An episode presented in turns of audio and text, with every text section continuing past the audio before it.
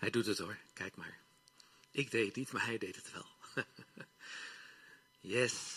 Mensen thuis, ga er lekker voor zitten. Misschien dat je onderuit in je stoel gaat zitten. Hier eh, zitten we wat uh, ongemakkelijker van die uh, plastic stoeltjes.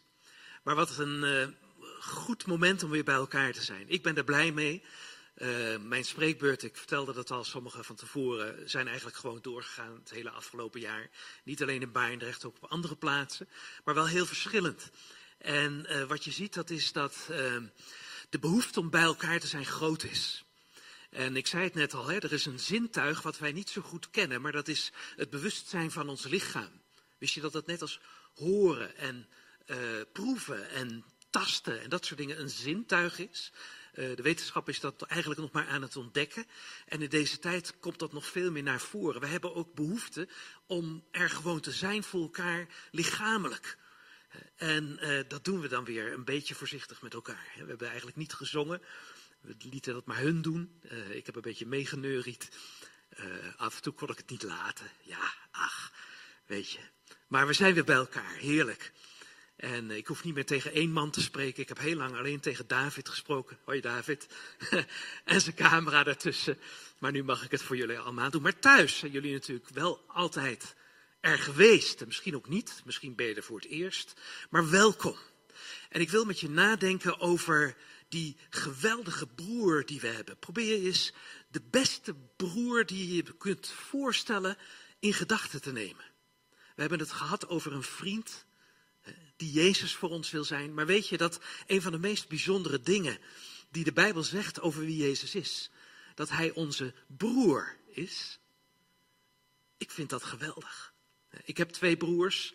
Nou ja, weet je, twee broers, oké, dat hoort er gewoon bij. En we hebben een goede relatie, ze zijn ouder, uh, ze hebben andere dingen meegemaakt dan ik. Je kunt over veel dingen praten.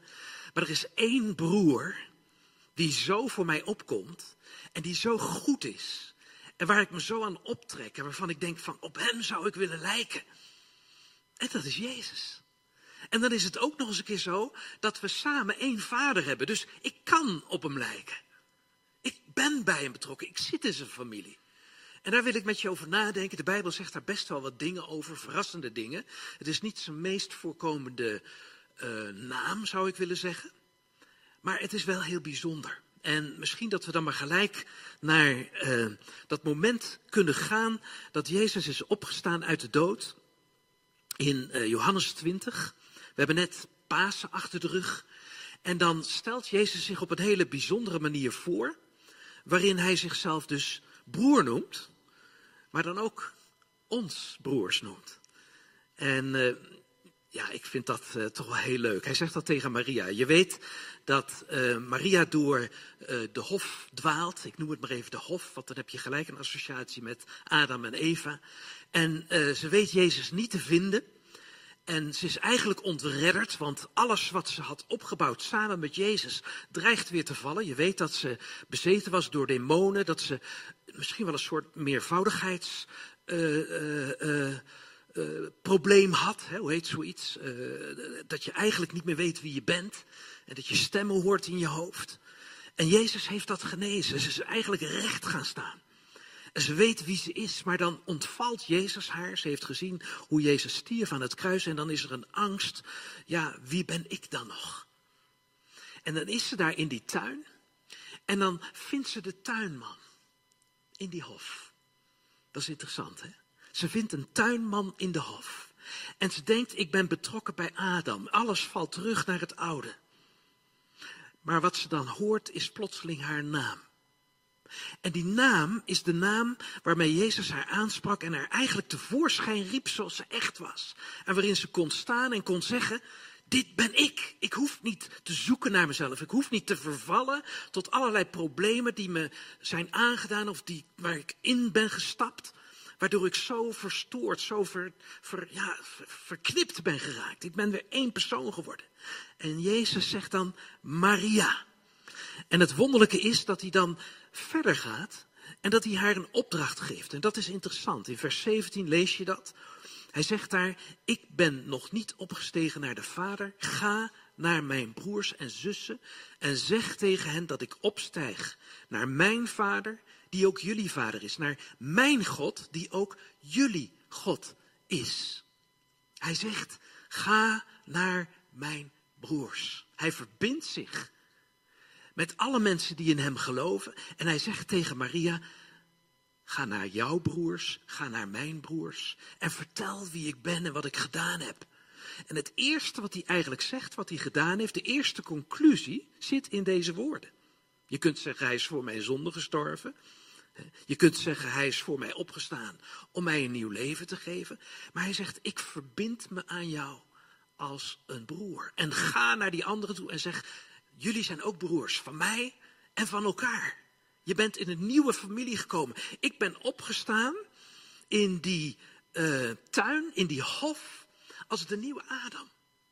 Paulus pikt dat op, hè? die zegt Jezus is de tweede Adam. We hoorden bij die oude. Ja? En je dacht, wie ben ik nou nog? En alles vervalt en alles takelt af. En je zoekt naar jezelf en je weet niet wie je bent. En dan zegt Jezus, maar ik sta hier in die nieuwe tuin. En er is een nieuwe dag, er is een nieuw begin. Je bent een deel van het gezin van God. Ik ga naar mijn vader, maar het is wel jullie vader. Ja. En ik ga naar mijn God, het is wel jullie God. Ga naar die broers van mij, want ik ben jullie broer. Dat is wat Jezus hier zegt. Hij verbindt zich als een broer met ons. Ja. En dan is het belangrijk dat je snapt, wat is nou een broer? Hè? Wat doet hij dan? Nou, die broer die wordt eigenlijk al aangekondigd op verschillende manieren in het Oude Testament.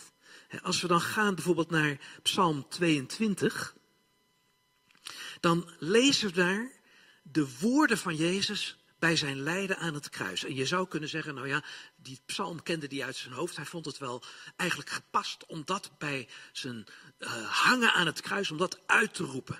En veel mensen hebben dat ook zo bedacht, hè? want het begint in vers 2 met, mijn God, mijn God, waarom hebt u mij verlaten? En als Jezus dat uitroept, is dat eigenlijk het voor het eerst in de hele geschiedenis van de evangeliën, en dat is vier keer opgeschreven, dat Jezus de Vader, zoals hij altijd God noemt, God noemt. Dat betekent dus dat er zo'n afstand is ontstaan dat Jezus aan het kruis hangt als een misdadiger en hij onze zonde op zich neemt, dat God geen vader meer voor hem kan zijn. Waarom hebt u mij verlaten? Mijn God. Altijd was hij de vader. Ja. Maar nu is hij God. En dat staat dus al in die psalm. Maar als je dan verder leest, ik ga het niet helemaal lezen, maar, maar, maar dan gaat het eigenlijk ontzettend over dat wat Jezus heeft meegemaakt aan dat kruis. Hè. Honden slaan, uh, staan om mij heen in vers 17. Een woeste bende sluit mij in. Ze hebben mijn handen en voeten doorboord. Dat is wat. In Psalm 22 wordt geschreven over handen en voeten die doorboord worden door de man die van God verlaat is. Nou, dat is geschreven zo'n duizend jaar voor Jezus. Toen was er nog helemaal geen kruisiging die is door de uh, Phoeniciërs een beetje zeg maar, in het Midden-Oosten gebracht. Uh, misschien 150 jaar voor Jezus. De Romeinen hebben dat overgenomen. Maar in de profetie staat al dat zijn handen en voeten doorboord zouden worden. En ze kijken vol leedvermaak toe. Ik kan al mijn beenderen tellen, vers 19. Verdelen ze mijn klederen onder elkaar en ze werpen het lot om mijn mantel. Dat is wat er met Jezus kleren gebeurde. Met zijn waardigheid. Dat wat hij aan had. Het wordt verdobbeld. Het wordt verscheurd. En dat mooie kleed dat wordt verdobbeld om behouden te blijven, maar dan niet meer van hem. Hij hangt daar naakt. naakt. Mijn God, waarom hebt u mij verlaten? En weet je wat dan het wonderlijk is? Als je dan verder leest in die psalm, het is een duistere psalm. Het is echt een expressie van wat Jezus heeft meegemaakt. En misschien ook wel van wat mensen in deze dagen meemaken. Maar het wonderlijke is dat er dan ineens een, een, omslag is. In vers 22 staat er dan, u geeft mij antwoord. Je zou het thuis eens moeten lezen. Hè? Als je thuis bent, gewoon mee moeten lezen. En dan staat er, ik zal uw naam bekendmaken, u loven. In de kring van mijn volk. Hier, een kring. Ik zal u loven. Die man die net nog riep, mijn God, waarom hebt u mij verlaten? En dan staat er eigenlijk letterlijk, ik zal u leven onder mijn broers. Dat kring, die kring is een kring van broers. Ja. Een kring van broers. Dus eigenlijk in het Oude Testament is er al een soort vooruitblik dat Jezus, die riep, mijn God, waarom hebt u mij verlaten? God weer naar ons toe brengt als onze vader. Ik ga naar mijn vader, die ook jullie vader is. Hij verbindt zich als een broer. En dan eindigt die psalm eigenlijk met de woorden van, dit zal ik bekendmaken aan alle volgende geslachten. En dan lees je in Jesaja 53, ik geloof niet dat ik dat geprojecteerd heb, maar je kunt dat zelf ook weer lezen, in vers 10. De Heer wilde hem breken, hij maakte hem ziek, hij offerde zijn leven voor hun schuld. Dat gaat over Jezus aan het kruis. God heeft het zo gewild. Maar waarom dan? Om zijn nageslacht te zien en om lang te leven. Hij wilde een lang leven zelf hebben, maar dat ook geven aan ons. Want er staat er, en door zijn toedoen slaagde wat de Heer wilde. God wilde nageslacht, hij wilde veel kinderen. En Jezus wilde veel broers en zussen. En hij heeft ze gekregen. Wij zijn broers van Jezus geworden. Wij zijn van dezelfde achtergrond, uit hetzelfde gezin, van hetzelfde geslacht. En het bijzondere is, als we dan naar het Nieuwe Testament gaan, dan wordt deze tekst, deze woorden uit Psalm 22, en trouwens ook uit Jezaja, dat wordt opgepikt door uh, Paulus in de Hebreeënbrief. En dan werkt hij dat eigenlijk nog verder uit. Hè? En dan lees je in vers 11, hij die heiligt en zij die geheiligd worden. Jezus heiligt ons, die zegt, ik zet je apart, je hoort bij mij. En als we dan geheiligd worden, dan is dat een proces. Ja. En wat is dan de betekenis daarvan? Dat we heilig zijn, dat we apart voor Hem zijn, dat Hij ons meeneemt en zegt, je bent mooi en ik ga je nog mooier maken. Dan staat er, wij hebben dezelfde oorsprong. Dezelfde oorsprong. En oorsprong betekent dus, we komen uit dezelfde voort. We komen uit diezelfde vader voort. Dat is onze oorsprong. Niet meer van Adam, maar van Jezus. Van een ander geslacht, van een andere soort zijn we. En daarom schaamt hij zich er niet voor hen broeders en zusters te noemen. Hup, daar heb je het weer. Wij worden broers en zussen door Jezus genoemd. Ja? En hij schaamt zich daar niet voor. Nou, ik weet niet hoe het jullie vergaat, maar ik zit nog wel eens te klooien. Ja? Ik zit nog wel eens dat ik denk van, oké, waar ben ik nou eigenlijk mee bezig? Uh, gaat het eigenlijk wel zo goed met me? Hoe gaat het met je? Hoe gaat het met je geloofsleven? We hebben elkaar gemist. Hoe heb je het in je eentje uitgehouden? Was dat lastig? Was dat moeilijk? Ging dat moeizaam? Ben je het een beetje kwijtgeraakt? Ben je bang geworden? Zijn er allerlei verhalen naar je toegekomen waarvan je dacht, help! Hoe moet ik de toekomst zien? Hoe zit het eigenlijk in de maatschappij? Wat moet ik wel geloven, wat moet ik niet geloven? Wat komt er allemaal op me af? En dan zegt Jezus, ik ben aan alles aan jou gelijk geworden. Ik ben zo ver gegaan dat ik het uit moest roepen, mijn God, waarom hebt u mij verlaten? En misschien zit je hier en heb je gedacht, waar is God in mijn leven? Nou, Jezus heeft dat ook doorgemaakt. En dan zo dat hij kon zeggen, ik zal je nooit meer verlaten. Ik zal je nooit begeven, nooit verlaten. Dat komt uit de Hebreeënbrief. Die die conclusies trekt, die het allemaal gezien heeft en zegt dan, hij heiligt ons, hij heeft ons apart genomen. En hij schaamt zich niet voor je. Misschien schaam je je voor jezelf. Dat kan, hè? Wat doe je als niemand kijkt? Je kunt je schamen voor jezelf. Maar Jezus is daarin en die zegt, wij blijven bij elkaar, wij blijven verbonden. Ik schaam me niet voor jou, nooit, nergens. En dat zegt hij terwijl de geest in ons woont. Dus hij kan alles meemaken, hij kan alles weten. En hij zegt, ik schaam me niet voor jou. Ik ben trots op jou. In datzelfde stukje dat, dat, dat hier uh, Hebreeën aanhaalt, staat er net even iets ervoor. Door uh, het lijden van Jezus zijn wij naar de uiteindelijke volmaaktheid gevoerd. Hij neemt ons mee. Hij laat ons nooit meer los. Het gaat over een eeuwige redding. Het gaat over een eeuwige heiliging in Hebreeën. De zekerheid van het geloof ligt er zo dik op.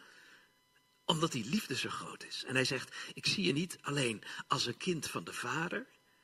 En dat is ook geweldig. Als we de vader zien, weten we, we zijn een kind van de vader. Maar dan zegt God, als je nou naar Jezus kijkt, dan kun je nog beter begrijpen wie je bent in mijn ogen. Zoals Jezus. Want je bent een broer van Jezus. Je bent zoals Hij. En Paulus zegt dat in Romeinen 8, vers 29. Daar zegt hij, Hij heeft ons er van tevoren toe bestemd om het evenbeeld te worden van zijn zoon, die de eerstgeborene moest worden van talrijke broers en zussen. Jij hoort bij die talrijke broers en zussen. Hij is de eerstgeborene geworden. Hij was de enige geborene. Hij was de enige mens uit God geboren die op aarde kwam. Al zo lief had God de wereld dat hij zijn enig geboren zoon gegeven heeft. Opdat alle die in hem geloven niet verloren gaan. Jezus was de enige, maar hij is niet de uitzondering gebleven. Talloze broers en zussen. Een lang nageslacht. Ik zal u prijzen in het midden van de kring. Hoe groot is die kring? Hij was de enige, maar hij is de eerste geworden. Als hij de eerste is, zijn er meer. En dat ben jij, dat ben ik. De eerstgeboren is wat anders dan de enige geborene. Ik vind het zo geweldig dat hij zo genoemd wordt na zijn kruisiging. Wat een inzicht. En wat kunnen we ons dat toe-eigenen en zeggen, oh, maar dan ben ik dus ook van zijn soort. Ik hoor bij Jezus. Ik zonder mij af van de wereld. Echt, ik ben geheiligd. Van de wereld van Adam. Die altijd moet zuchten onder de zonde. Die altijd overal complotten ziet. Ik heb daar niks mee te maken, joh. Echt niet. Ik richt mijn ogen op Jezus. Daar ben ik mee bezig. Dat is belangrijk. Want dan weet ik wie ik ben en dat ik in deze wereld sta zonder dat ik van de wereld ben. En ik laat me niet te pakken nemen door angst. Of de allerlei theorieën of de allerlei verhalen. Die komen en die gaan. Ze komen en ze gaan. Want God laat alles schudden, zodat overeind blijft wat echt van Hem is. En dat is, je bent een kind van God en je bent een broer van Jezus. Ja? Nou, nog een klein dingetje. Ik zou je amen kunnen zeggen. En misschien eh, denk je van, oh, ik heb er wel even genoeg aan. Hè? Dan zet je hem uit en dan ga je weg. maar ik vind het altijd leuk nog eventjes iets extra's te geven. Hè? Iets extra's. Die broers. Die broers. Weet je dat heel Genesis gaat over broers die alleen maar ruzie hebben met elkaar? Kain en Abel, die elkaar de hersens inslaan, of Kain en Abel dan. En, en, en Isaac en Esau, en, en, uh, of, Jacob hè, en Esau, en Isaac en uh, Ismaël, en uh, Jozef en zijn broers. Het is allemaal ellende. Het lijkt wel ons huisgezin. Bij wijze van spreken. Genesis. Hè? Is een groot thema in Genesis. Dat broers niet met elkaar om kunnen gaan. En dat er een sterke veroordeling is. Allemaal begonnen bij Adam. Van die soort. Ja. En weet je waar het voor het eerst anders wordt? Dan zijn we Genesis voorbij. Want dat eindigt bij Jozef en er is natuurlijk wel verzoening. Hè? We zien ook wel dat God daarin toch werkt. En dat er verzoening is. Maar het blijft kraken ook met die broers. Met Jozef. Het is allemaal niet zo gemakkelijk. Het eerste moment waarin broers echt broers zijn voor elkaar. En elkaar kunnen omhelzen. Is een Exodus 4. En de echte Bijbelkenners onder ons. Die weten waar ik het nu over heb. Maar het zijn er maar een paar, want het is eigenlijk helemaal niet zo bekend. En als ik het zeg, zeg je, oh ja. Mozes gaat uit de woestijn van Midjan, bij zijn schoonvader vandaan, gaat hij terug naar zijn volk. En onderweg, bij de berg des Heren staat er in Exodus 4, ontmoet hij daar zijn oudere broer, Aaron. En dan staat er, ze kusten elkaar. Dat is wat. Die oudere broer Aaron, die verbindt zich bij voorbaat met zijn jongere broer Mozes. God heeft hem geroepen, die Aaron. En die heeft gezegd, ga naar je broer. En hij is gegaan. En God heeft gezegd tegen Mozes, en dat wisten ze niet van elkaar, je hebt je broer nodig. Want die kan beter praten dan jij. Leuk hè? Het is allemaal zo menselijk hè? En dan gaan er grote wonderen gebeuren. Nou, ik wil je één ding meegeven. Wat is het resultaat van die twee broers die samen door één deur kunnen, sterker, die samen door de deur van de farao staan en daar wonderen en tekenen verrichten en uiteindelijk dat volk meenemen uit de slavernij naar het beloofde land. Even heel kort door de bocht gezegd wat die twee broers voor elkaar krijgen. Wat gebeurt er met Aaron? Wat gebeurt er met Mozes? Zij worden priesters voor hun volk. Als broers samen kunnen optrekken, dan kan God priesterschap geven. Hij kon dat niet met Isaac of met Jacob of met Jozef. Er moest iets gebeuren in dat patroon. Twee broers die verzoend met elkaar leefden en die samen konden optrekken om priesters te zijn. Wij zijn, zegt Petrus, een volk van priesters. Wat betekent dat? Dat we heel goed begrijpen dat we broers en zussen van elkaar zijn.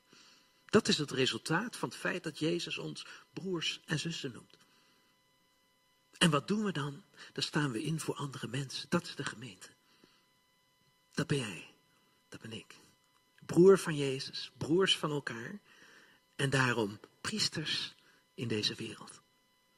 Zullen we danken?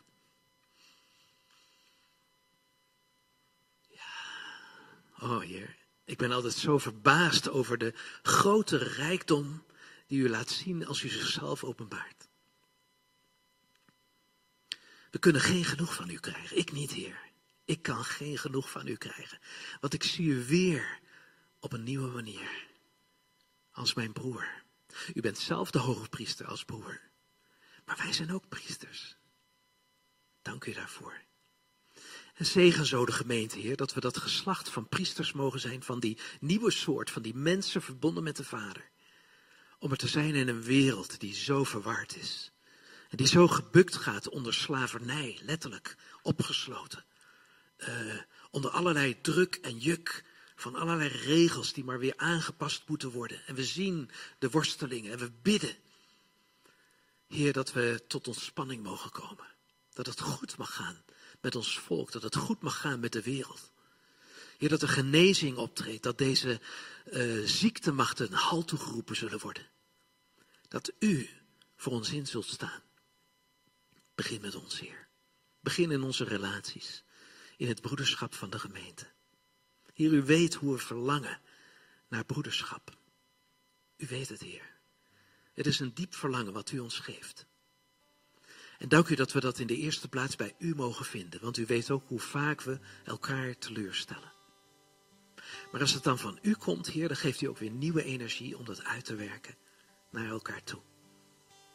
Dank u daarvoor. Dank u voor die zegen. Amen.